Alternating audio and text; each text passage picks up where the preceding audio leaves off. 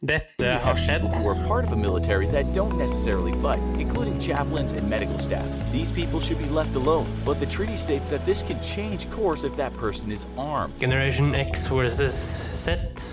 Sandberg Productions presenterer Den ekte samtalen om og med generasjon X og Z. Hold deg fast og nyt. Hei, hei, kjære lytter, og hjertelig velkommen til dagens episode av Generation X versus Z. Og i dag, kjære kompanjong, så er det du som holder i episoden. Ja, det er det. Tematikken for de fire ukene her, da, eh, det er litt rare kriger. Det er det, og vi starter i dag eh, med en morsom krig. Og i hele settingen er jo rett og slett hvor vi setter egentlig ikke lys på selve krigen. Nei. Men bakgrunnen for krigen, og hva er det som utløste krigen. Ja. et sentralt spørsmål her er rett og slett hvor Jeg vet ikke om jeg skal få sagt det på en pen måte, Henrik, men hvor kloke eller hvor dumme er egentlig menneskeheten? Ja, det er jo en slags rød tråd her, da. Hvor dumme går det an for mennesker å bli? Ja, altså Vi ser bort ifra tid, altså om det er nåtid eller eh, fortid. Og det selvfølgelig, selvfølgelig må det også da gjelde for fremtiden, av en eller annen merkelig grunn. Man lærer jo aldri. Nei da. eh, Og vi skal jo ganske langt tilbake i dag, eh, har jeg skjønt. Ja, vi skal ganske langt tilbake. Vi skal til 1800-tallet. Og ja. kaker. Ja, eller bakst, da. Det Ja. var jo da Frankrike og Mexico eh, som havna i krig. Eh, Det er liksom ikke to naboer. Nei da. Det er liksom eh, nesten lengst vekk i hele verden. Ja, det er jo midt i smørøyet av Europa og på kanten av eh, Sør-Amerika. Ja, Og hvorfor i all verden har de gått i krig med hverandre? Tenk deg alle de titusener av mennesker som ble drept i den krigen. Tenk deg all den lidelsen, skadene, eh, ressursene til ren, skjær ondskap. Og det er jo helt utrolig. Og det skyldes baks. Bax. Altså, jeg er veldig glad i Bax, Henrik. Ja, det vet vi alle, tror jeg. Ja, og, men jeg tror ikke jeg ville gått til krig, altså. Vi skal høre krigen mellom Mexico, Frankrike og hva som utløste den. Og så får vi ta en debatt etterpå. Men folkens, bare lytt til hva som egentlig skjer her. Ja, det skal vi. Advarsel. I denne podkasten vil du høre historier basert på informasjon programlederne har funnet selv. Programlederne står ikke nødvendigvis inne for meninger og syn som fremstilles.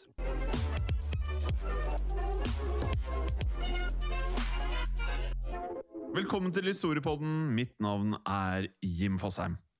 Og jeg er Morten Galaasen. Hallo, Morten. Når vi går gjennom historien eh, i research og tekst og alt dette, så får man jo en feeling av hvor absurd noe av dette er. Men det er først etter vi har spilt det inn, at det virkelig synker inn bare hvor sjukt noe av dette er, og at det går an å sammenligne de forskjellige hendelsene. Eh, Det, er, det her er- var ikke en krig vi var orientert eh, rundt før episoden. Altså kaker og bakst eller bakverk eller bakevarer, som, som man vanligvis kanskje forbinder med kos og hygge, så kan da faktisk eh, kaker og bakevarer eh, lede til noe helt annet enn hyggelige affærer også. I dette tilfellet krig. The Pastry War. Altså Selv om den heter Kakekrigen eller The Pastry War, så er det jo faktisk litt vanskelig eh, å se at eh, det faktisk er en seriøs konflikt.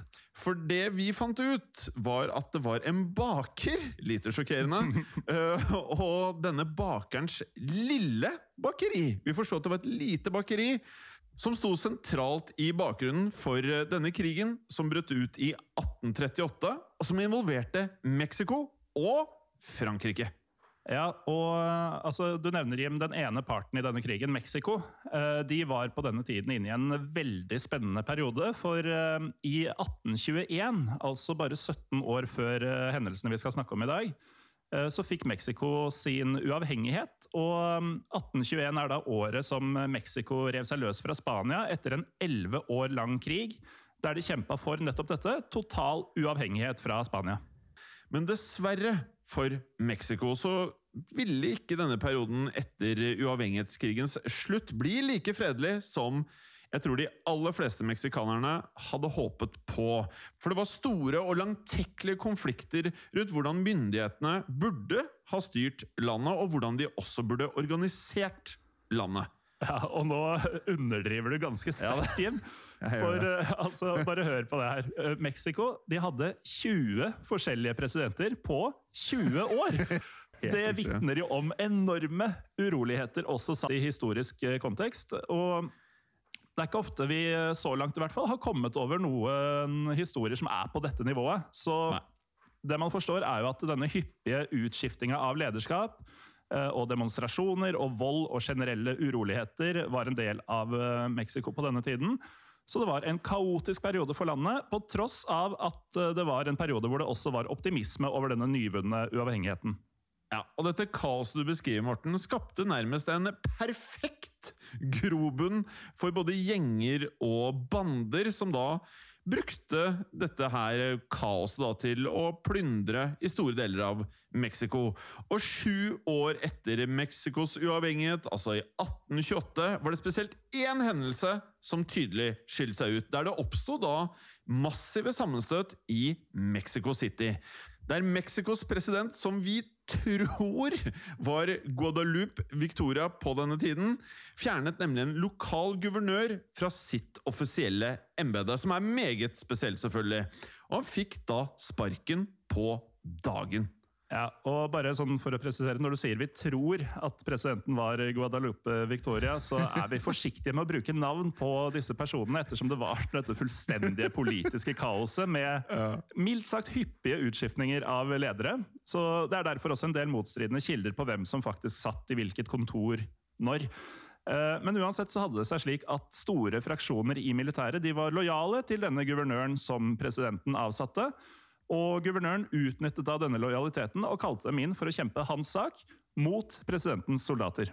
Ja, og som lytterne kanskje nå forstår, så bygget det hele seg opp til eh, at det skulle koke over.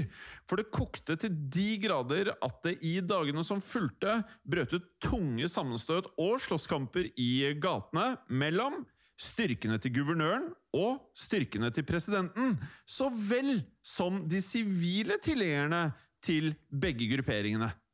Ja, og som man vet fra demonstrasjoner og perioder med kaos, så er det jo ofte slik at det er eh, opportunister på, som ser muligheter i sånne situasjoner. Og det var det også her, da boliger og butikker ble brutt inn i, ofte rundstjålet og vandalisert. Og her kommer vi inn på det som eh, dagens episode handler om. For i alt dette oppstyret så er det en baker som blir eh, rammet av all denne plyndringa. Nemlig en baker ved navn Remontel. Ja, og denne Remontel det kan vi jo kanskje um, si litt om, Morten. For at det, vanligvis så har vi jo et fornavn og et etternavn, og noen har jo til og med flere mellomnavn. Og opptil åtte navn har vi vært borti. Vi har vært oppe i 14 navn på en person tidligere episode. Eh, Men denne Remontel føles mer ut som litt sånn Madonna. At det er bare Remontel han refereres til som i historien. Ja, Jeg har sett uh, noen steder så står det 'Monsieur Remontel', men Ja. eh, jeg har ikke vært i nærheten av å finne noe fornavn. Nei, det er Remontel. Og Remontel han eh, var en fransk, og det er veldig viktig å poengtere at han var fransk. Eh, som vi vet, så er jo konflikten mellom Mexico og Frankrike. Han var en fransk baker som drev et bakeri i Mexico City. Og Mexico City ligger jo i Mexico. Ja, så um, en dag under de kraftige opptøyene i Mexico City, så skal da meksikanske soldater ha brutt seg inn i flere butikker på markedsplassen El Parian, der også bakeriet til Remontel lå. Ingen visste hvilken side akkurat disse meksikanske soldatene var på, men det spilte egentlig liten rolle om det var på guvernørens eller presidentens. Fordi det var åpenbart at disse soldatene bare var her for å ransake og stjele og ødelegge. Ja, og vi kan jo legge til, Morten, at ordet ransake det går igjen i historien. Og når vi leser ordet ransake, ettersom det hadde såpass mye følger, dette her, så forstår vi som at det å ransake var egentlig en mellomting av stjele, ødelegge, plyndre bare gjerne i regi av eh, myndighetene, nærmest. Mm. Men uansett, Remontel han eh, fortalte senere også at disse soldatene som da i gåsetegn ransaket bakeriet hans, var tydelig beruset, altså mest sannsynlig fulle. Um, og de bevæpnede soldatene skal da ha trengt seg inn i bakeriet hans, hvor vi da forstår at Remontel ikke hadde noe særlig å stille opp med, og ikke hadde vært lurt å stille opp med noe som helst, og ble dermed tvunget til å se på det hele som utspilt seg i bakeriet. Så jeg kan bare se for meg en sånn fransk baker som er fortvilet, og hvor han har lagt eh, sjelen sin i alt bakvar, bakverket som er der, og blir tydelig forbanna, med kanskje litt mel som står i en sånn melsky midt Ja, ja. i bakeriet. Ja, Litt sånn der klassisk sånn uh, fornærma franskmann med sånn fransk 1800-tallsbart og gjerne et forkle og, og ja, mel overalt. Ja, altså, vi har ikke funnet bilde av Remontel, i hvert fall så har ikke jeg sett noen bilde av Remontel. Men jeg jeg ser veldig klare bilder har- i hodet. Ja, men eh, ja, det bildet i hodet mitt så ser jeg for meg litt mage, kanskje. At han var glad i sin, eh, sin egen bakst. ja, hvis det er lov å si. Eh, I hvert fall så var det sånn at eh, soldatene de endevendte dette bakeriet. Eh, de kasta brød og kaker veggimellom og ja, ransaka og ødela alt inventaret. Så altså, ikke en eneste hylle eller eh, croissant ble spart. Hele innsiden av bakeriet ble bare revet fra hverandre, og til slutt så satt eh, Remontel igjen med et rasert bakeri. Det med croissant var det vi som la igjen, da. Det, var nok mye annet enn bare croissanter som fløy veggimellom. Ja, det, det, alt fløy veggimellom. Eh, og dette bakeriet var, eh, etter hva vi forsto, nærmest å anse som livsverket til Remontel. Og det var jo nå ødelagt. Um, og vi forsto at dette her var nesten uh, kroken på døra for Remontel eh, mentalt. Dette var nærmest noe som knakk han. Og når man er nær bunnen, så kan det jo gå forskjellige veier. Uh, Men historien den viser oss at det fantes håp for Remontel. For utover 1830-tallet kunne da de som hadde blitt rammet av all denne plyndringen, søke om erstatning fra myndighetene i Mexico. Og en av de som da søkte erstatning, var vår mann Remonté.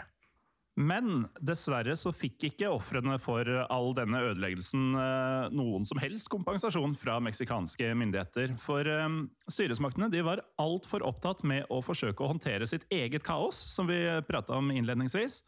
Og ødeleggelsene som da deres egne soldater hadde forårsaka under disse opptøyene, de var da ikke myndighetenes sak, mente de. Ja. Og med det så sitter man jo her og føler enda mer synd på eh, Remontel. Eh, og det må jo ha føltes som en vanvittig urettferdighet, dette her. Eh, men eh, la oss se litt på denne erstatningen Remontel ønsket seg. Denne oppgitte bakeren. For Eh, og nå må vi sette dette i kontekst, fordi uh, å, å prate om pesos på 1830-tallet er ikke nødvendigvis så enkelt å, å, å forstå uh, tyngden av. Men han krevde en erstatningssum på 60 000 pesos. Og for å sette dette i perspektiv, da, så ville da 60 000 pesos den gang tilsvare 165 årslønner for en gjennomsnittlig arbeider i Mexico i dag. Og det er mye! Ja, det er jo en, en uhyre høy sum. eh, Når man da krever 165 årslønner i erstatning for dette lille bakeriet. Og De meksikanske myndighetene de avfeide selvfølgelig dette fullstendig, eh, det som de anså som eh, absurd høyt. Så nå, nå skal vi også nevne at verdien på Remontels bakeri hadde blitt satt til 1000 pesos. Så han ba altså om 60 ganger mer enn det bakeriet hans var verdt. Ja, og, og sett i lys av det vi nå nettopp har sagt, da, så er det kanskje ikke så rart at de meksikanske myndighetene bare Det her klarer vi ikke å forholde oss til. Eh, og vi bare avviser all, alt det du sender inn her. Ja. Eh, og Remontel, eh, og det vi kan si, da, det er jo at Remontel skjønte at han ikke kom til å komme noen vei da med de meksikanske myndighetene, så han måtte jo rett og slett finne en helt annen vei ut av elendigheten. Ja, så det han gjorde da, det var å um, tenke at eh, jeg søker erstatning av noen andre, jeg. Eh, og med det så bestemte han seg da for å sende en eh, klage til sitt fødeland, altså Frankrike, og den franske kongen på denne tiden, kong Louis Philippe. Ja, Og for de som kanskje da ikke, ikke fikk med seg det i starten, så var jo da Remontel Han var franskfødt og fransk statsborger. Og med det så dro Remontel til eh, Paris eh, for å tale sin sak. Og mm, han var ikke den eneste, forsto vi her da, som hadde blitt påvirket av alt det som skjedde i Mexico.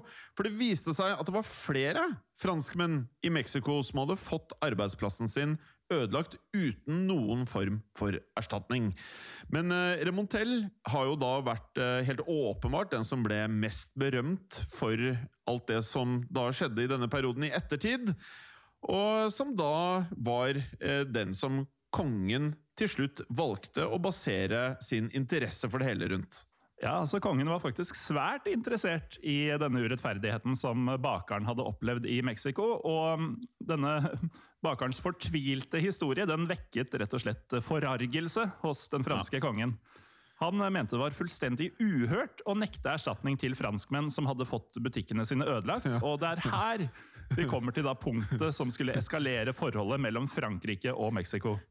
Og la oss bare nevne at eh, vi har jo ikke sagt noe om liksom eh, hvorvidt denne franske kongen syns at 60 000 pesos, altså 60 ganger det det egentlig var eller verdt, da, var eh, noe spesielt eh, merkelig å be om. Men det kommer nå snart. Kongen han engasjerte seg da personlig ikke, det var ikke sånn Han hadde satt masse folk på saken, han engasjerte seg personlig i Remontels sak. Og han var ikke bare engasjert, han bestemte seg virkelig for å vise muskler her. For her begynner da denne historien, om man ikke syns det allerede, å ta en litt uventet vending. For ikke bare sendte kongen et krav til Mexico om at Remontel skulle få erstatning for bakeriet sitt, men kong Louis Philippe han krevde også at Mexicos myndigheter skulle betale Frankrike en klekkelig erstatning. Og som vi da husker, 60 000 pesos var da det Remontel ønsket seg. Kong Louis Philippe han ønsket 600 000 pesos! altså ti ganger så mye som det Remontel hadde ønsket seg. Og her aner jo sikkert alle som hører dette, her, at eh, dette her kan jo ikke ende vel. Nå er vi på vei langt utover hva som er innenfor rimelighetens grenser. For hvis da 60 000 pesos var totalt uaktuelt, som det var, så ville jo da 60 000 pesos pluss hele da 600 000 pesos, med andre ord 660 000 pesos, det ville jo ikke kunne bli sett på som noe annet enn en fornærmelse. Nei, altså, man, man skjønner jo godt at dette ikke faller i god jord. Uh, altså 600 000 pesos, det, er vel, eh, det ville jo da tilsvart over 1650 gjennomsnittlige meksikanske årslønner. Og um, kongen, eh, kongens argument for dette vanvittig høye kravet, det var at um, det inkluderte både erstatning for eh, bakeriet og erstatning til de andre franskeide butikkene som hadde blitt ransaket av meksikanske soldater. Så dette erstatningsbeløpet det ble etter hva vi har forstått tatt litt ut av løse lufta av eh, kongen. Og hadde ikke nødvendigvis rot i den faktiske verdien av disse butikkene. Nei, Det føles ut som det her var basically sitte over en middag med litt rødvin i glasset, og så bare Ja, vi skal ha 600 000! um, men som om dette ikke var da bensin på bålet nok, så ja, så kongen dette som en god anledning, god timing og god mulighet til å kreve inn en gjeld som Mexico skyldte Frankrike. For kongen han mente da at eh, ettersom det var så mye uro i Mexico, så kunne jo da Mexicos økonomi bukke under i alt dette kaoset. Og så var det jo da med andre ord verdt da å skape litt oppstyr for å kreve inn dette lånet som de hadde til Mexico. Ja, og dette, øko, Denne økonomiske kollapsen til Mexico kunne jo skje når som helst, så det var ingen tid å miste for kongen. Og nå hadde han jo da fått eh, den perfekte unnskyldning, nemlig de franske butikkeierne. Så eh, det var et perfekt påskudd rett og slett for å kreve et gedigent beløp fra Mexico. Så dermed så sendte han et eh, høytidelig formelt krav om at Mexico øyeblikkelig skulle betale Frankrike 600 000 pesos. Ja, og her må man nesten bare ta en liten sånn pustepause, fordi no, det her er så ekstremt. Altså, vi har gått fra at um, et bakeri har blitt rasert, til Av fulle soldater? Er, ja, og at det nå har gått fra et helt urimelig krav fra en baker til at et helt land ber nå om et krav som da åpenbart vil bli ansett som totalt urimelig. Eh, og vi kan jo da starte med, etter denne korte pustepausen, da, med at Mexico selvfølgelig ikke engang er villig til å vurdere dette kravet. Og presidenten takker jo da blankt eh, nei til å betale tilbake disse kravene. Eh, og de var nok litt eh, irriterte, vil jeg tro, på dette tidspunktet. Det var det nok, men eh, kong Louis Philippe han eh, var eh, også litt irritert. Og han var ikke interessert i unnskyldninger. Han erklærte at han skulle få pengene sine med en eneste gang. Koste hva det koste ville.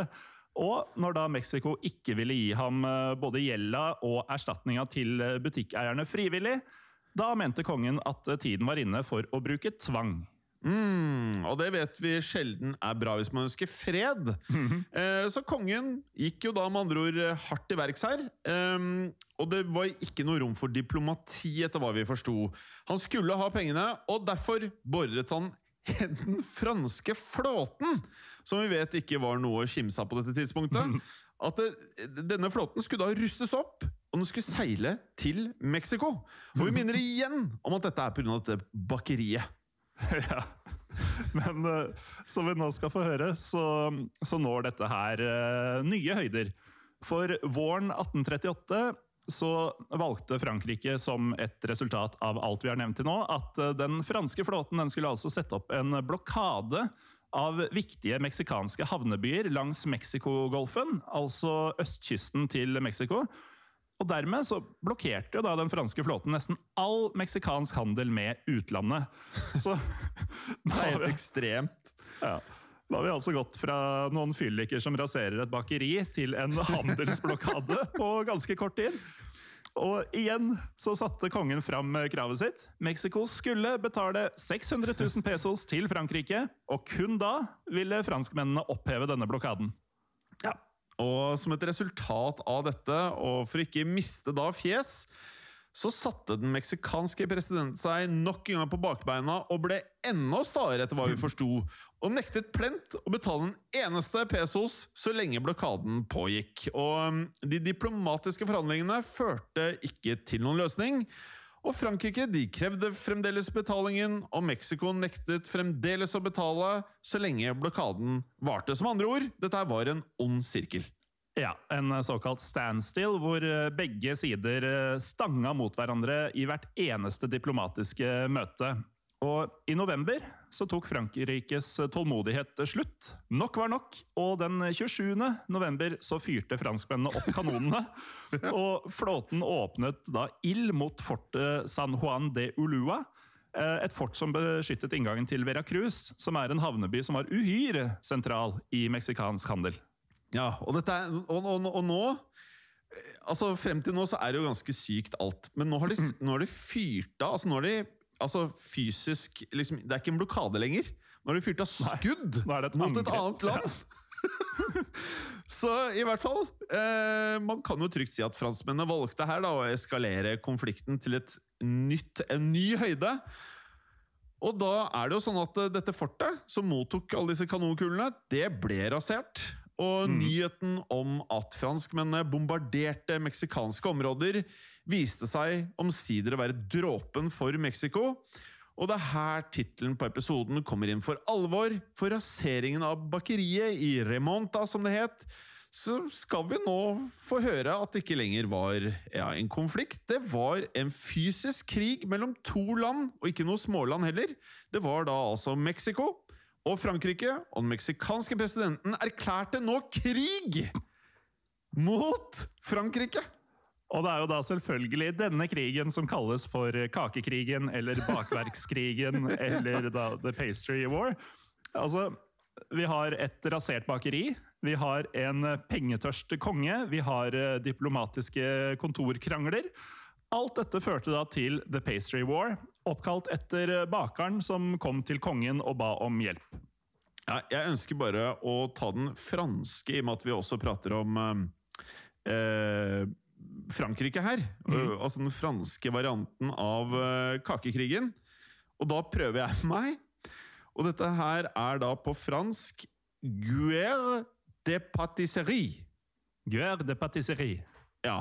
Og på spansk Guerra de Nei, Guerra de los pasteles. Pastelles. Er ikke så det? det er eh, godt, godt jobba, Hjem. Ja. Eh, men historien den er ikke over, Morten, for eh, Frankrike. Og det her, Du trenger ikke glasskule for å vite hva som, eh, hva som er responsen her.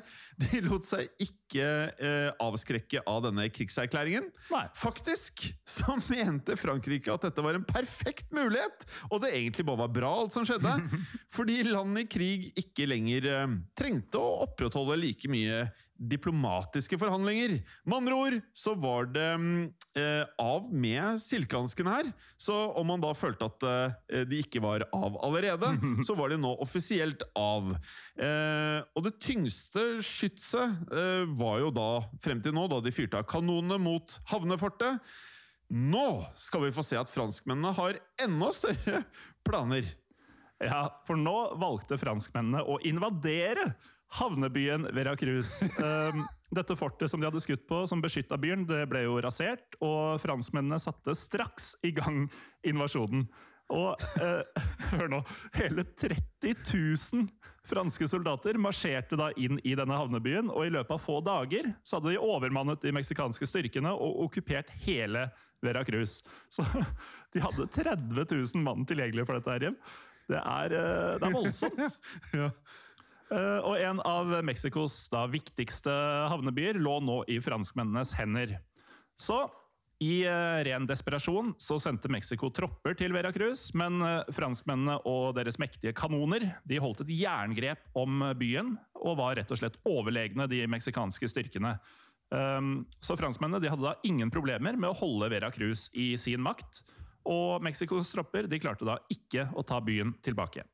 Ja, og som vi vet, det at de ikke klarte å ta tilbake Veracruz, i tillegg til at det er fullstendig kaos i Mexico, så har du et ganske dårlig utgangspunkt. Ja, det ser mørkt ut. Ja, det ser mørkt ut, og det er klart at det, hele situasjonen og det at det, Man skal huske på at det er jo en blokade her. Altså Mens alt dette her foregår, så er det jo en handelsblokade. Så det er klart at det koster Mexico heftig, og dette her må jo bare ha, ha tært på både moral så vel som økonomi. Um, så det som da skjedde da etter fire måneder med fransk okkupasjon Det var faktisk det som eh, foregikk her. Det var en okkupasjon av Veracruz. Så innså Mexico at dette her ikke eh, kunne lede hen verken for Frankrike eller for Mexico, og dermed kontaktet de britene! og ba britene om å være mellommenn i nye forhandlinger. Ja, et diplomatisk forsøk på å forsone situasjonen med Frankrike. Ja, eh, uten at eh, denne meklingen uh, endra så mye av Frankrikes syn, for de eh, satte fram det samme kravet som de hadde hatt siden bakeren klaget til kongen. Mexico måtte betale Frankrike 600 000 pesos for at franskmennene skulle trekke seg ut av Veracruz. Og nedbrutt og fortvilet så måtte Mexico denne gangen godta pengekravet. De betalte pengene til Frankrike, og kakekrigen var over. Ja. Er, men jeg- blir litt sånn vemodig på en måte. Det var litt synd på Mexico her, da, på en måte. her. De gjorde jo feil til å begynne med, men det var veldig heftig mm, eh, heftig bot de måtte betale. Men eh, det ledet i hvert fall til at franskmennene trakk seg ut av Mexico da vi kom til mars eh, 1839. Som betyr at krigen varte i ikke et fullt år, men ca. et år. Og likevel skulle det få jeg må jo si kraftige konsekvenser for Mexico, for myndighetene måtte ikke bare betale Frankrike. De måtte også bruke store summer på å bygge opp Veracruz igjen etter det som hadde blitt bombardert av det som skjedde med franskmennene. Og handelsinntektene de sank også så dramatisk i denne perioden at det, det, det føltes i hele Mexicos økonomi da, at Veracruz var satt ut av spill. Ja, så Kortversjonen av det du sa nå, Jim, det er jo rett og slett at kakekrigen var et enormt tilbakeslag for Mexico. Og det skulle få ytterligere konsekvenser også, for bare ti år senere så brøt det ut krig igjen, eh, denne gangen mellom Mexico og USA. Og Mexico de var svake etter den eh, kraftige økonomiske knekken som kakekrigen hadde mm, ført til, og USA grep kontrollen over store meksikanske områder ganske lett. Ja. Og som om eh, det ikke var nok det vi har tatt frem til nå, så Hør på dette! Så skulle jo da franskmennene igjen angripe Mexico, stakkars, i 1864. Og i begge disse krigene skulle landets da utrolig svake økonomi sørge for enorme tap eh, på meksikansk side. Ja, Så den eh, kortvarige kakekrigen, som da varte under et år, den skulle altså sette sitt preg på Mexicos økonomi i mange tiår. Og Frankrike de hadde jo til slutt fått sine 600 000 pesos, og vi har vel all eh, grunn til å tro at bakeren Raimontel også fikk sine 60 000 i erstatning for det ødelagte bakeriet hans, som starta alt dette her. Ja, jeg, jeg, tror, jeg har også tolket det dit hen at det var 600 000 pluss 60. Eh, mm. Noen steder så er det sånn utydelig skrevet at det de 60 kan ha vært en del av de 600, men med tanke på hvor eh, lite franskmennene var innstilt på noen form for forsoning, så føler jeg at det er 600 pluss 60 eh, her. Eh, men, men det, er, det er altså så vanvittig å tenke på. Nummer én så syns jeg det er ganske rart at denne historien ikke er mer kjent. Er du enig? Ja. Ja, ja. For, for, det er klart at eh, når, når, du prater om at en så liten hendelse skapte så store økonomiske ringvirkninger i mange mm. tiår Og for alt vi vet, så kan jo dette her være noe som har preget landet også etter eh, den perioden vi tar for oss her i dag. Ja, det er klart det. Og så er det jo altså det er på 1830-tallet dette her. Eh, fra Frankrike til Mexico så er det langt. Altså Det er en enorm 30 000 tropper, liksom. Det er enorm investering. I ressurser, tid, penger, absolutt alt mulig fra Frankrikes side her. Ja. Uh, over da denne stakkars bakerens uh, lille bakeri. Så det det er, liksom så absurd hvor sugne Frankrike var på konflikt, virker det som. da. Hvor, en, annen, en, annen, parallell til krigen om trebøtta var jo da mm. vi prater om 30 000 soldater. Det var 32 000 soldater som forsvarte Bologna. Mm. så det er liksom det er, Antall personer var ganske likt. Nå har vi ikke funnet eksakte tall på hvor mange som var involverte fra Mexicos side her på mm. Veracruz, men, men, det er ganske sammenlignbare tall. Og en annen ting um, med denne historien som jeg syns er uh, Som gjør det hele mye verre, er at dette her er i perioden hvor Mexico da skal bygge opp landet sitt og stå på egne ben. Ja. Og så får de dette midt i fleisen! Og en handelsblokade! altså Én ting er jo de pengene de må tilbakebetale, men den blokaden, altså den innvirkningen, var massiv. Og så tok de da det som var strategisk noe av det viktigste for Mexico og Mexicos økonomi, og for å bygge opp landet, som var da ja, Veracruz.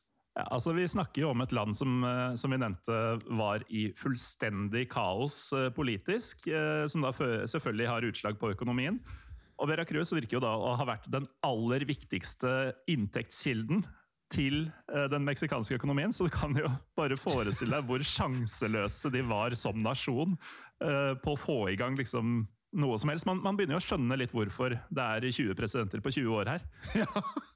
Men med det her så synes jeg faktisk litt interessant å høre, for jeg er litt i tvil sjæl. Da kan jo lytterne kanskje sende oss en liten DM på Instagram, der vi heter Historiepodden Norge, hvis du ikke allerede følger oss der.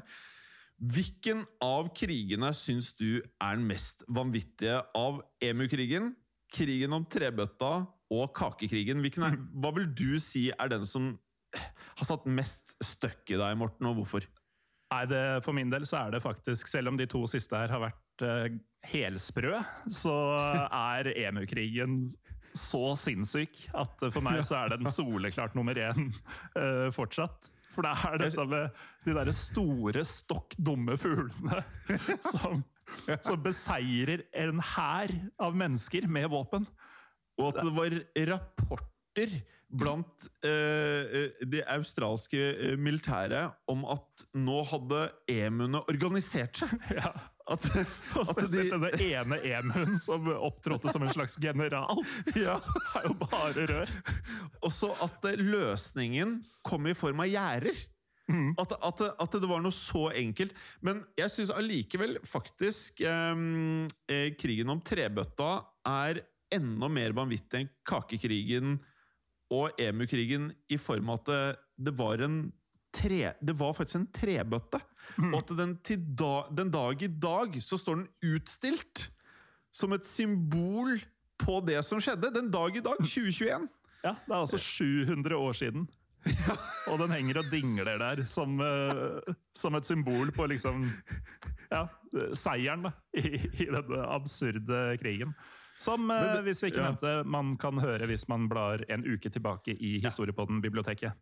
Ja, men da er det vel eh, Vi går jo noen ganger litt surr i dette, her, Morten. Det er jo derfor veldig greit at vi har folk rundt oss i redaksjonen som holder oss litt i øra, og som uh, har kontroll på dette. Men eh, Krigen om trebøtta, den er vel på Podme? Altså Da må man uh, være abonnent av uh, Podme Ja, for å høre den. Ja. Mm.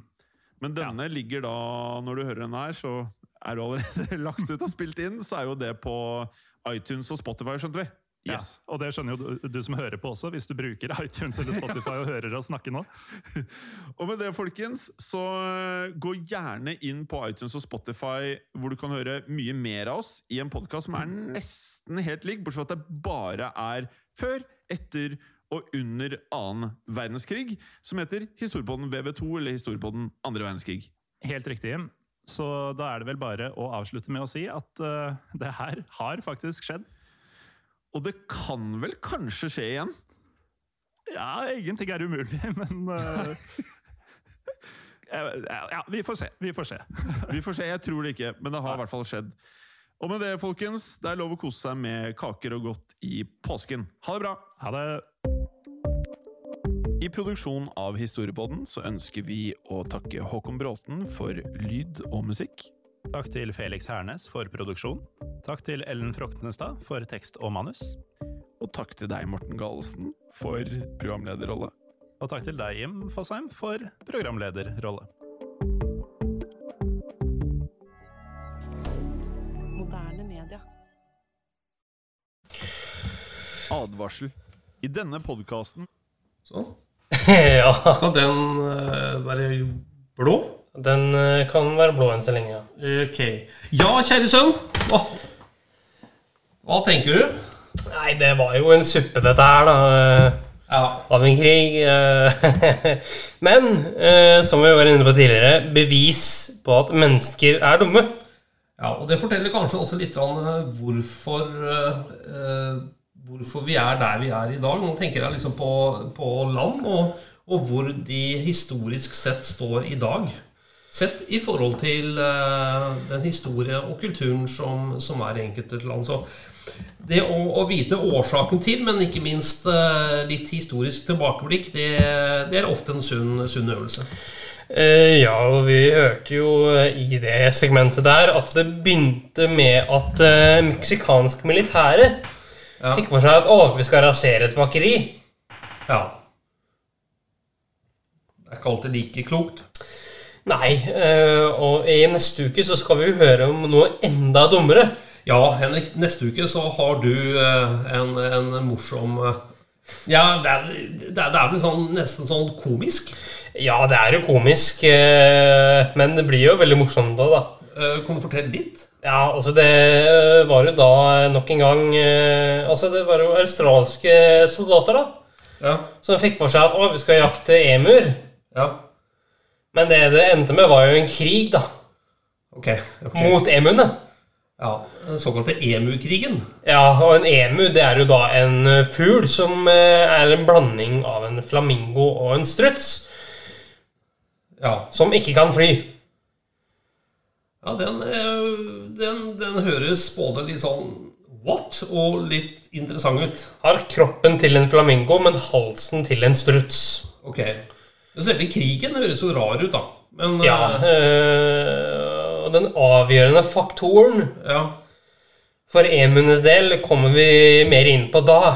Eh, Men eh, likevel så kan nok det overraske deg, kjære lytter. Ja. ja, men da eh, gleder vi oss til neste uke, Henrik. Og jeg sier tusen hjertelig takk for i dag. Takk for i dag. Jeg tror ikke vi er helt i mål. Vi er ikke helt i mål, Henrik, fordi du har noe som heter noe som er noe helt annet enn krig. Det regner jeg med. Jeg har noe som er helt annet enn krig, og du har noen greier som du må få ut av systemet. Ja. Mest sannsynlig. Skal jeg kjøre jingle? Jepp.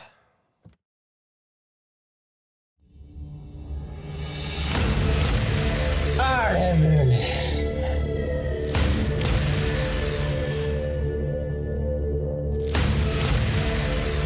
Er det mulig?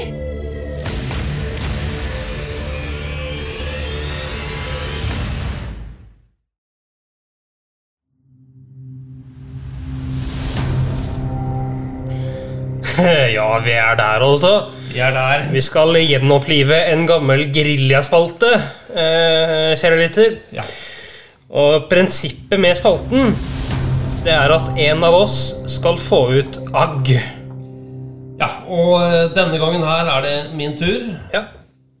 Og eh, ja Jeg bare Altså Du kan slå den der, eh, der nå, eller? Jeg kan slå den ned. Slå den veldig ned. Der. Altså, jeg tenker over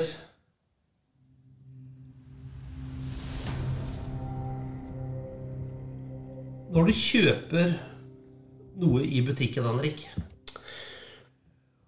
og så kommer du hjem,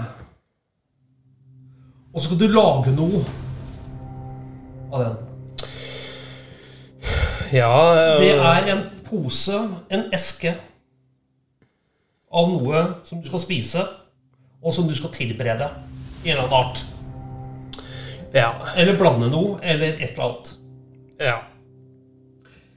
På esken eller posen står det mange flotte, store bokstaver, og gjerne flott bilde av noe. Mm. Og så står det med mikro, mikro, mikro Mikrobokstaver hvordan du skal tilberede. Da irriterer det meg noe inni grenseløst, selv om jeg tar på meg brillene, Henrik. For å se hva som står der, så har jeg likevel problemer med å se hvor mange minutter den skal i Hvor mange minutter skal den stekes? Hvor mange minutter skal den kokes? Hvordan skal det blandes? Det irriterer meg nå inni granskauen. Hvorfor kan det ikke bare stå sju minutter, ti minutter, blandes med det med store, flotte bokstaver, slik at enhver kan bare finne posen, lese, nynne en sang, og så lage en fantastisk rett? Hvorfor må du til med lupe og kanskje et brett og brette ut hele posen for kanskje å se hvordan i all verden du skal tilberede det du nettopp har kjøpt? Irriterende, Henrik. Takk.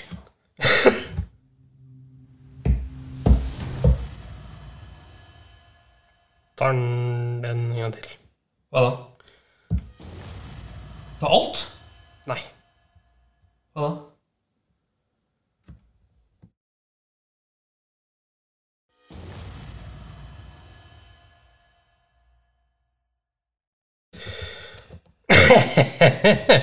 Ja da, du fikk ut litt eh, agg. Ja, Deilig, altså. Jeg føler meg litt sånn, litt sånn roligere allerede. Ja, eh, og dette her er jo da en eh, spalte med det ene prinsippet.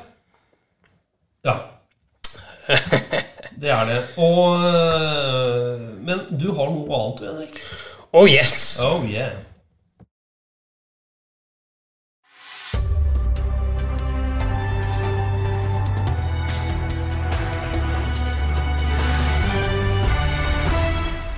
NRK-hjørnet.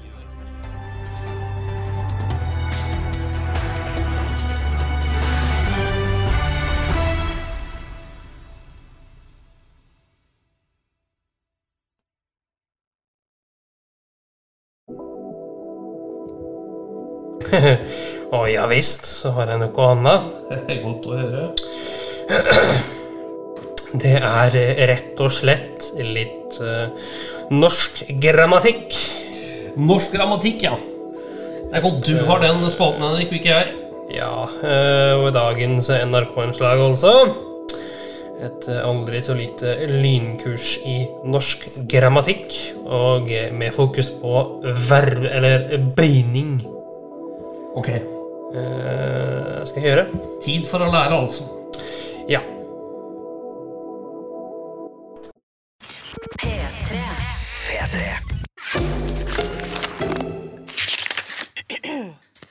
Språkkontakten. Velkommen inn i studio, produsent og språkkontakt Line. Tusen takk. Vi skal, eh, vi skal nøle litt språk. Det er jo det vi skal når vi hører den lyden der. å, det er så godt å høre den lyden. Det er lenge siden sist nå. Ja, jeg gleder meg veldig. Ja, det burde du, Martin. Ja.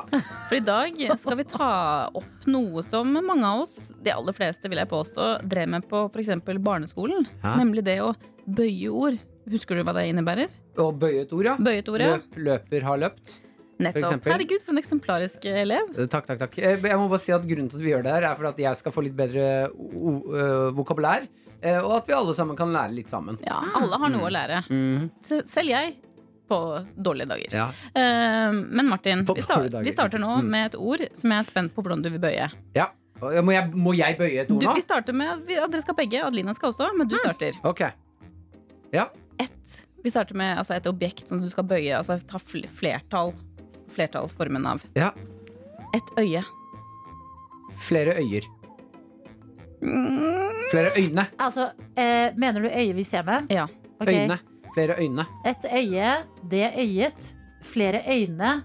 Alle øynene. Veldig bra, Lina. Man skulle nesten tro du hadde tatt et lite nerd. kurs. For Martin, det er ikke tilfeldig at jeg tar opp akkurat dette ordet. Ja. For jeg har merket meg at du sier øyer. Øyer, ja. Ja, og det er feil. Og det har irritert meg så nå. At du sier øyer i stedet for øyne. ja. Det må Eh, du slutte med. Og hva er det Fordi- øyne. Flere øyne? Flere øyne. Ja. Du har så vakre øyne. Øynene dine er så Jeg har ikke hørt at Martin sier Har du det. bitt deg merke at jeg sier troll med flere øyne. Har du på ekte bitt deg merke i at jeg sier øyer? Ja, hver eneste gang! Du, Line, ofte sier jeg det? har du kommet inn i dag med liksom noe du har gått rundt og bært på? Ja! Jeg later som det er språkkontakten, men egentlig er jeg bare Jeg har det inni meg. Jeg kjenner at nå måtte det ut. For du må slutte med det, Martin. Ok, ok, jeg, skal, for jeg ser at du blir ekte stressa her. Eh, for din skyld, og, og du som hører på, så skal jeg prøve fra og med nå. Jeg, sier jeg men Snakker vi så ofte om øyner, da? Ja, tydeligvis. Nå sa du det igjen. Nei, nå sa jeg øyner. Det er feil. Det er også øyner. Det er Hva faen skal jeg si da? Øy, øyne. Øyne? Øyne.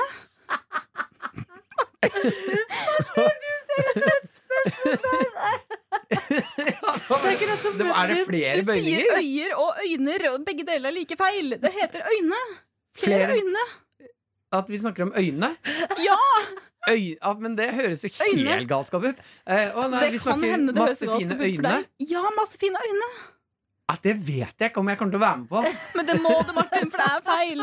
Og det høres litt ut som du er fem år gammel når du sier øyner. Shots fired! Oi, Prøv å oi, oi. bruke det i en setning. Eh, jeg møtte en person i går som hadde helt fantastisk fine øyne. Ja, Helt riktig. Mhm. Det smaker veldig vondt i munnen min Men det si det. burde smake karamell, fordi det er det som er riktig. Og vi må skjerpe oss nå på det. Livet er okay, okay. så sassy, ass. Det er greit. det er greit Jeg Takk, skal vær så snill. Øyne, øyne, Øyne. øyne. Jeg skal være på vakt. Her får du som hører på også være litt på vakt. Fordi eh, jeg har tydeligvis eh, hørt dette og latt det passere. Uffa meg. Mm. Beklager, Line.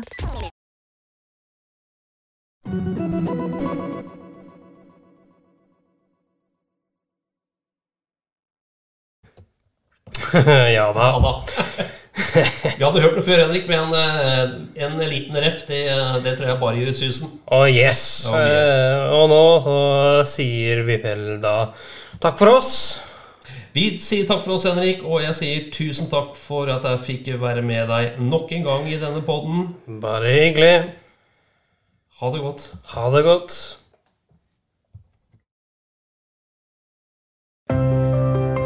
Tusen takk for at du fulgte oss. Gi gjerne tilbakemelding, likes eller kommentar på Facebook-siden vår Generation X versus Z. Velkommen igjen til neste podkastepisode. Hei då!